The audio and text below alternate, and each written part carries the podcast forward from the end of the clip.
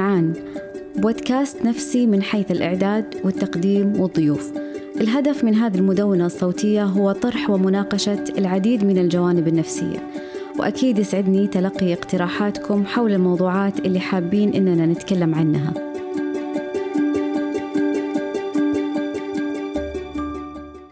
ضيف حلقتنا اليوم الدكتور مهدي محمد العنزي. استشاري الطب النفسي ورئيس الأقسام النفسية بمجمع الأمل للصحة النفسية بالرياض. حاصل على الزمالة العربية والبورد الأردني في الطب النفسي عام 2004 رئيس إدارة الصحة النفسية والاجتماعية بمنطقة الرياض سابقا ومدير مستشفى سابق التخصصي للصحة النفسية. بنحكي اليوم عن الفصام.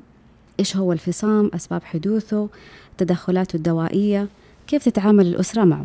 أتمنى تنال رضاكم. حصل غامدي أخصائي أول علم نفس سريري. أهلا وسهلا دكتور مهدي. حياك الله أستاذ حسن. بيطلق على الفصام بالمصطلح العامي انفصام الشخصية وتحت هذا المصطلح مفهوم يعني وجود شخصيتين في شخصية واحدة. وأحيانا في الحوارات لما تكون بين الأشخاص ويكون في شخص يعني قاعد يقول كلام متناقض مثلا في آرائه أو قراراته بينقال له عندك انفصام أو فصام. خلينا نصحح هذه المفاهيم ونضيف معلومات أكثر عن الفصام. بداية دكتور إيش هو الفصام وإيش أسباب حدوثه؟ طبعا مرض الفصام هو أحد الأمراض النفسية آه، الذهانية ولما نقول ذهانية هو آه، معناها الانفصال عن الواقع أو فقد الاستبصار آه، بحيث يكون المريض غير مستبصر بحالته آه، المرضية وبحاجته للدواء. مرض الفصام هو مرض مزمن يصيب الإنسان عادة في مرحلة المرحلة العمرية ما حول المراهقة بمعنى 17 18 سنة تكون بدايته عند الذكور قبل الإناث. آه، هو عبارة عن لو لخصنا المرض يصيب آه، عدة مناطق آه، في سلوك الإنسان من ناحية السلوك والتفكير والمشاعر. يحدث هناك تدهور في جميع هذه المجالات. وينتج عنه خلل وظيفي وتدهور وظيفي يمنع الإنسان عن أداء يعني وظائفه الحيوية من دراسة وعمل. توجد له أعراض يمكن نلخصها سلبية وإيجابية. آه، بالعادة يبدأ المرض الفصام آه، بالأعراض السلبية أحيانا وأحيانا بالأعراض الإيجابية. الأعراض السلبية مثلا الانعزال والانطواء والانسحاب من الحياة بشكل تدريجي فقدان الدافعية للحياة. آه، انطواء وانكفاء على النفس عدم الاهتمام بالنظافة الشخصية. أما الأعراض الإيجابية فتكون هناك بعض الضلالات أو الهلاوس السمعية والبصرية. نقصد بالضلالات أن هناك توجد أفكار مغلوطة آه، يؤمن بها المريض بشكل كامل. مثلا يدعي أنه شخصية مهمة أو يدعي أنه جهة معينة تطارده أو ناس معينين يحاولون قتله وتكون هذه الأفكار راسخة لديه كما تكون رسوخ الضلالة عند الضال آه، طبعا هذه الأعراض الإيجابية تكون دائما مترابطة مع الحالة الحادة للمرض. ويترافق أحيانا قد يكون في سلوك آه، عنيف مع الموضوع أو قد لا يكون. آه، وهذه تقريبا الأعراض ومجمل الأعراض التي تكون في بداية المرض.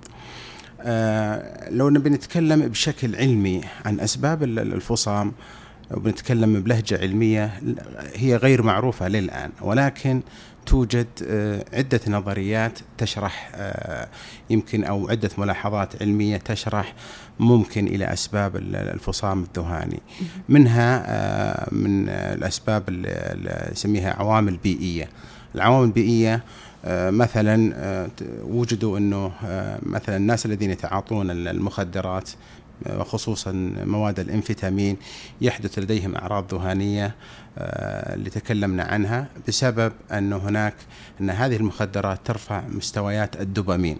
وهذا يقودنا إلى النظرية البيولوجية اللي تشرح وجود أو سبب مرض الفصام عند كثير من الناس هو ارتفاع هذه المادة عند المرضى الذهانيين وبالتالي أي مادة ترفع هذه المادة سوف تحدث هناك أعراض ذهانية تكلموا أيضا عن وجود آه، أثناء الحمل التهابات فيروسية وسوء التغذية في في هذه المرحلة خصوصا بعد ما وجدوا وكانت هناك دلائل إحصائية عملت دراسات في خصوصا في شمال أوروبا.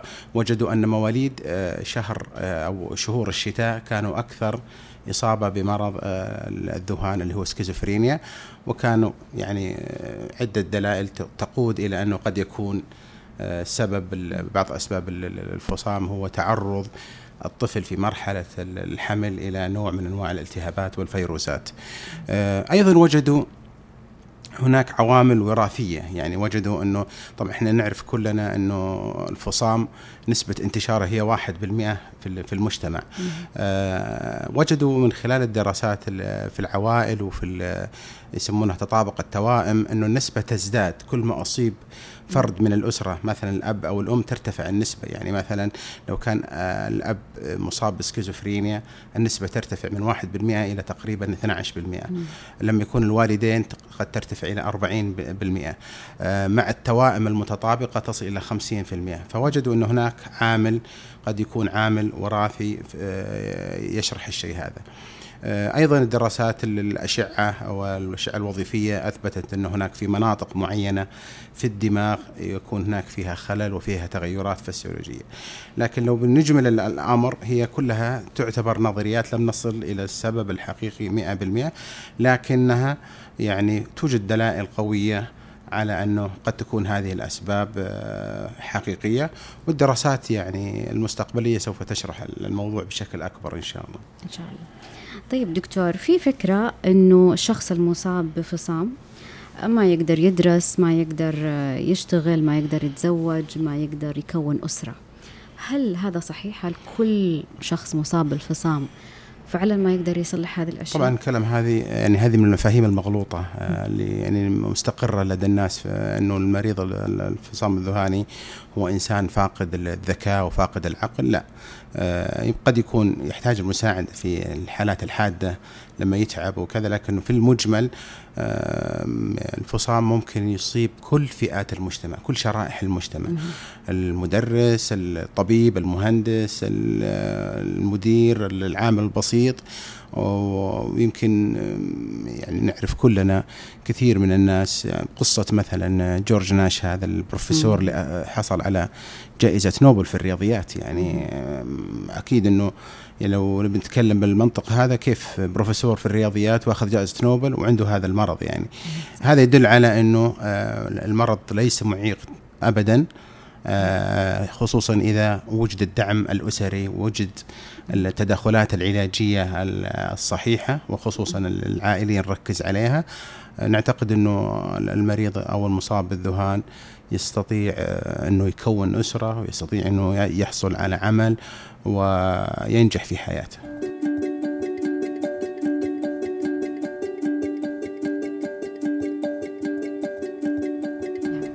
طيب آه، كيف بخصوص التدخلات العلاجية الدوائية وغير الدوائية؟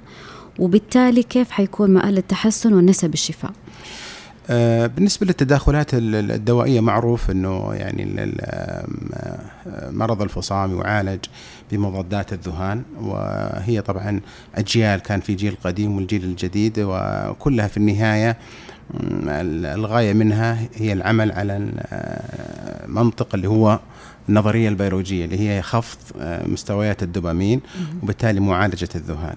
و يعني طبعا آه، تطورات في العلاج. وصلنا إلى مراحل كثيرة من الأدوية يكون فيها فعالية عالية وأثار جانبية قليلة. آه، طبعا المعالجات الدوائية عبارة عن هو أقراص تتناول عن طريق الفم لكن بمعرفتنا بمرض الفصام وأن الفصامين أحيانا يكونون في الحالة الحادة غير مستبصرين أيضا وجدت آه، آه، أدوية على شكل إبر ممتدة المفعول ممكن تأخذ كل أسبوعين والسنوات الأخيرة وصلنا إلى مرحلة أنه ممكن تأخذ كل شهر وإلى ثلاث أشهر يعني. فبالتالي هذا يمكن يساعد الأسر اللي يعني عندهم صعوبة في إعطاء العلاج للمريض أو أن المريض غير متقبل للدواء.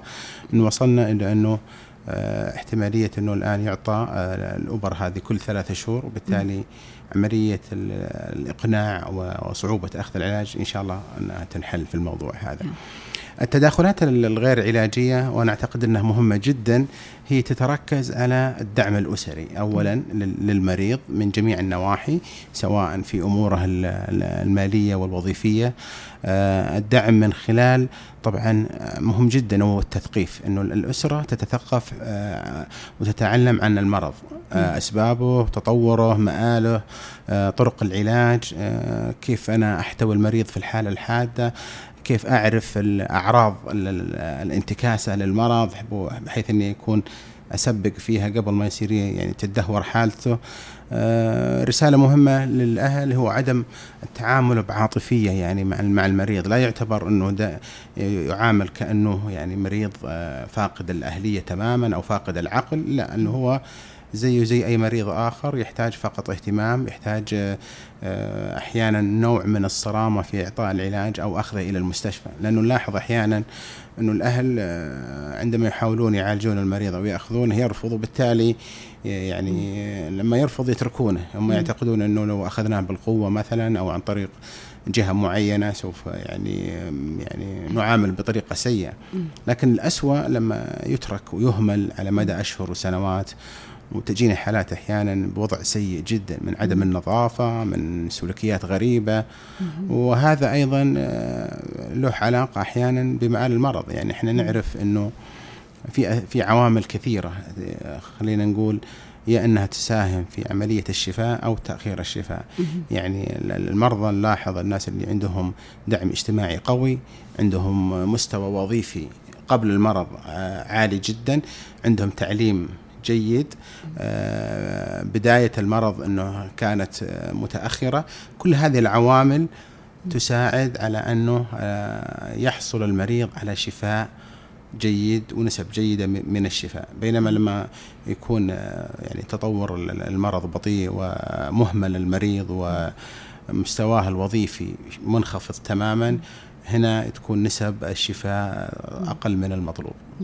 في بعض الأسر آه، أو يعني حتى بعض المصابين نفسهم آه، يعتقد أنه لما ياخذ الدواء وتحسن آه، خلاص أنا تحسنت تركت الدواء يقولون آه هو أصلا أدمن على الدواء فعشان كذا آه رجعت له الأعراض. فإيش رأيك دكتور بهالفكرة؟ طبعا هذه بعد أيضا من المفاهيم المغلوطة عملية إعطاء الدواء آه آه، هي هي تعتمد على المرض وطبيعته وتطوره. كما هناك في الأمراض العضوية نعرف إنه في أمراض مزمنة وأمراض حادة. يعني مثلا السكر والضغط هي أمراض مزمنة. ما سمعنا أحد والله يوقف علاج الضغط والسكر وقال هذا الإدمان.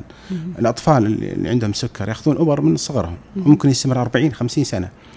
ليش ما نقول إنه والله هذا أدمن؟ لأنه طبيعة المرض يحتاج علاج مستمر. ما وصل العلم إلى إنه يعني ناخذ علاج كورس معين ثم نقول والله خلاص انتهينا.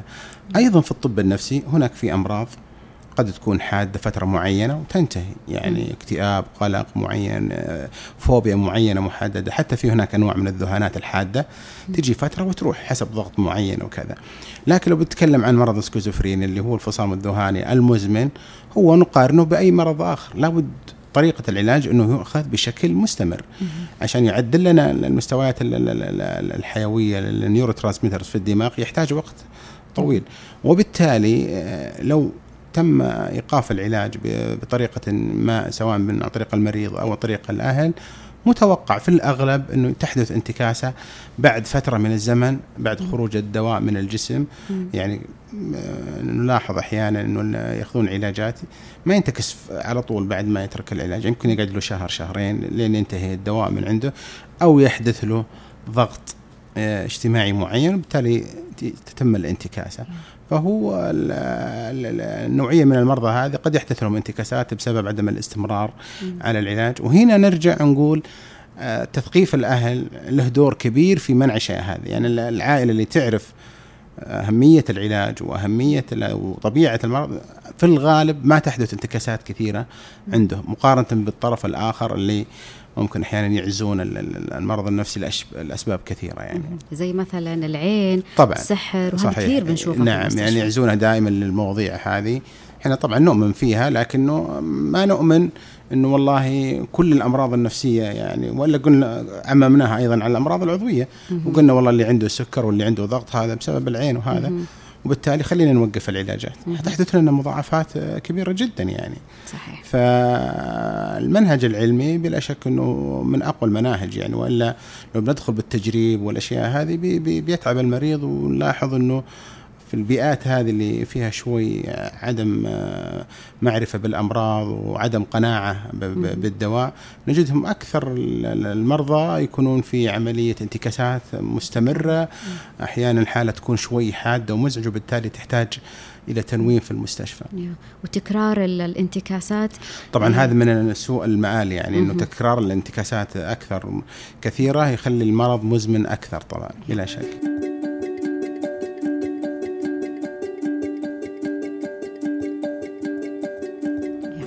طيب دكتور كيف الآن الشخص المصاب بفصام؟ آه يعني بيكون صعب شوي أحيانا في التعامل معه ففي كثير من الأسر مثلا تعاني من إنها تعطيه الدواء ولا تعاني من إنها تاخذه للمستشفى. كيف تتعامل معه خاصة لما يكون خطر على نفسه وخطر على الآخرين؟ طبعا يعني عندما يعني يتم تحديد الخطر من الأهل وإنه والله ممكن يحدث شيء. آه، اقناع المريض طبعا لازم هم أول شيء يعرفون إن المرض آه، هو داخل نفسه يعتقد إنه ما عنده مرض وبالتالي أنت لما تيجي تقنع أحد إنه يروح المستشفى وما عنده بالتأكيد بيكون عنده مقاومة وريزيستنت لك وخصوصا لما أنت تحاول انك تأخذه بالعنف. فمجرد معرفتك للمعلومة هذه بيخليك إنه ممكن تعطيها المعلومة متدرجة. لو ناقشته الآن ممكن أجل النقاش لما أشوف إنه حاد. آه، أحيانا ممكن أتصل بالمختص وأسأل عن أفضل طريقة أن يتعامل معه. ربما مثلا آه، ينصحك إنه يتحول الدواء من أقراص يأخذها المريض إلى أحيانا في نقط سائله ممكن توضع له في الأكل أو في الشرب بحيث تستقر حالته وتهدى وبعد ذلك يتم يعني أخذه للمستشفى أو حتى إنه أحيانا تتحسن حالته حتى لو ما تم أخذه يعني للمستشفى. إذا اخذ إذا تم إعطاه العلاج بدون ما يدري يعني. تمام. في حاجة ودي يعني أذكرها اللي هي برامج التأهيل آه اللي بتنوجد في مستشفيات بالذات مجمعات الأمل آه للأشخاص اللي عندهم ذهان كيف تشوف هل هي بتساعد فعلا الأشخاص بلا شك يعني طبعا والترند الآن أو التوجهات العلمية العالمية الآن آه، هو يقول لك أنه آه، أنا مو بس المستوى الأول اللي أحصل عليه من معالجة المريض إنه خلوه فقط من الأعراض. م. أنا بوصل مرحلة إنه الإنسان هذا يكون functioning يعني يرجع لحياته الطبيعية يمارس حياته الطبيعية زي البشر اللي يسمونها إعادة التأهيل rehabilitation وهذه الحقيقة يعني وجدوها سبحان الله في يعني في مجتمعاتنا الشرقية أكثر من المجتمعات الغربية بسبب وجود الدعم الأسري. أه. يعني ونسب الانتكاسة تكون أقل. رغم إنه هناك عندهم يعني ال rehabilitation متطور جدا وعندهم مراكز وكذا لكن ما في أفضل من بيئة المريض إنه يعمل له rehabilitation ودائما يعني أنصح إنه بعض العوائل يعني لما يقول والله ما لقيت له وظيفة أنصح إنه تسوي له برنامج أو تصمم له وظيفة محورة. يعني بعض الناس عندهم بزنس مثلا فيعطونه مهمة معينة عندهم مثلا مزرعة يعطونه جزء معين من الموضوع. هذه الأمور تجعل يعني المريض يتحسن بشكل أفضل من إنه فقط جالس منعزل ومنطوي. بالنسبة للخدمات اللي تقدم الآن من الخدمات الجيدة اللي هي الطب المنزلي وهي بصراحة آه، يمكن عامل مساعد لبعض الأسر اللي يرفض المريض إنه يذهب للمستشفى آه، إنهم في فريق يعني يطلع للمريض في بيته وبيئته وممكن يتم إعطاء الأدوية خصوصا الأبر الممتدة المفعول يعني بحيث إنه يصير له تعطى له كل شهر أو كل أسبوعين ويجي الفريق يشيك على جميع العلامات الحيوية وحالته العضوية ويشوفون حالته النفسية وبالتالي تقدم لها الخدمة ويكون يعني الأسرة ارتاحت والمريض آه، شعر بنوع من الراحة. صحيح. الله يعطيك العافية، شكرا دكتور مهدي. حياكم الله. Thank you.